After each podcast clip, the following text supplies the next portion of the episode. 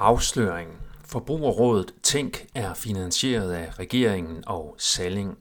Mit navn er Per Brandgaard, og det er den 31. januar 2024. Forbrugerrådet Tænk er efter min mening slet ikke den uafhængige vagthund, der arbejder for danske forbrugere, som de udgiver sig for at være.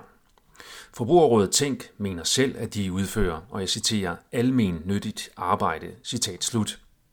Det vil de fleste nok opfatte som, at de arbejder til gavn for forbrugerne og ikke til gavn for deres eventuelle andre sponsorer. På deres hjemmeside kan man læse, hvem der år for år har støttet deres almennyttige arbejde, og det er langt fra kun personlige medlemmer og ikke kommercielle, ikke politiske organisationer. 2022-listen omfatter således finansiering fra blandt andet en række ministerier via Trafikstyrelsen, Miljøministeriet, Slots- og Kulturstyrelsen og Socialstyrelsen. Der var blandt andet også penge fra Sallingfonden, der som bekendt ejer Danmarks største detailhandelsvirksomhed Salling Group, der driver blandt andet Bilka, Føtex og Netto. 2021-listen omfatter blandt andet Erhvervsministeriet, Sallingfondene, Slots- og Kulturstyrelsen, Socialstyrelsen samt Trafik-, Bygge- og Boligstyrelsen. Årsberetningen for 2020 indeholder, så vidt jeg kan se, ikke en liste med de organisationer, der har ydet økonomisk støtte.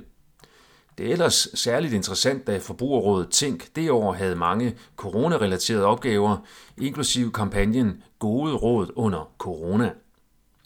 Årsberetningen for 2019 indeholder heller ikke oplysninger om sponsorer. Da både 2022 og 2021 listerne omfattede sponsorer fra ministerier, styrelser og fonde, så er det næppe urimeligt at antage, at også 2019 og 2020 omfattede sponsorer fra ministerier, styrelser og fonde. Det skal ses i lyset af Forbrugerrådet Tænks oplysningsarbejde under coronaen, der ikke omfattede forbrugerrettet offentlig oplysning om fraværet af videnskabelig dokumentation for effekt, sikkerhed og nødvendighed af coronavacciner, mundbind og nedlukning. Det fremgår tydeligt af deres egen årsberetning for 2020.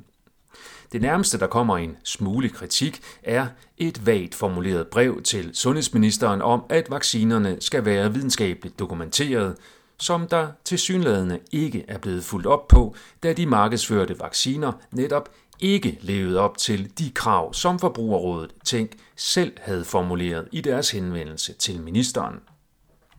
Forbrugerrådet Tænk agerede reelt kommunikationsmyndighed for regeringens coronapolitik uden at varetage forbrugernes reelle interesser. Det er svært at se dette som andet end et svigt af forbrugerne og et propagandamæssigt misbrug af Forbrugerrådet Tænk som brand. Salling er efter min mening en særligt problematisk sponsor for Forbrugerrådet Tænk, både generelt og specifikt til finansiering af coronaoplysning. Det er generelt problematisk, at Forbrugerrådet Tænk modtager penge fra Danmarks største dagligvarehandel, da det er videnskabeligt dokumenteret, at pengedonationer har en påvirkende kraft. Marianne Bedsted er formand for bestyrelsen af statsmediet DR, der gik forrest i den massive propaganda for regeringens coronafortælling i 2020. Marianne Bedsted er samtidig senior vice president i Salling. Det tyder på, at DR's ensidige dækning af coronasagen er støttet fra højeste sted af Salling, der via penge kan have påvirket forbrugerrådet Tænk til også at makke ret i stedet for at varetage forbrugernes interesser som vagthund. Inden jeg slutter min kritik, vil jeg påpege det problematiske i Forbrugerrådet Tænks ensidige propaganda for klimafortællingen, da konsekvensen af den absolut ikke er til gavn for forbrugerne.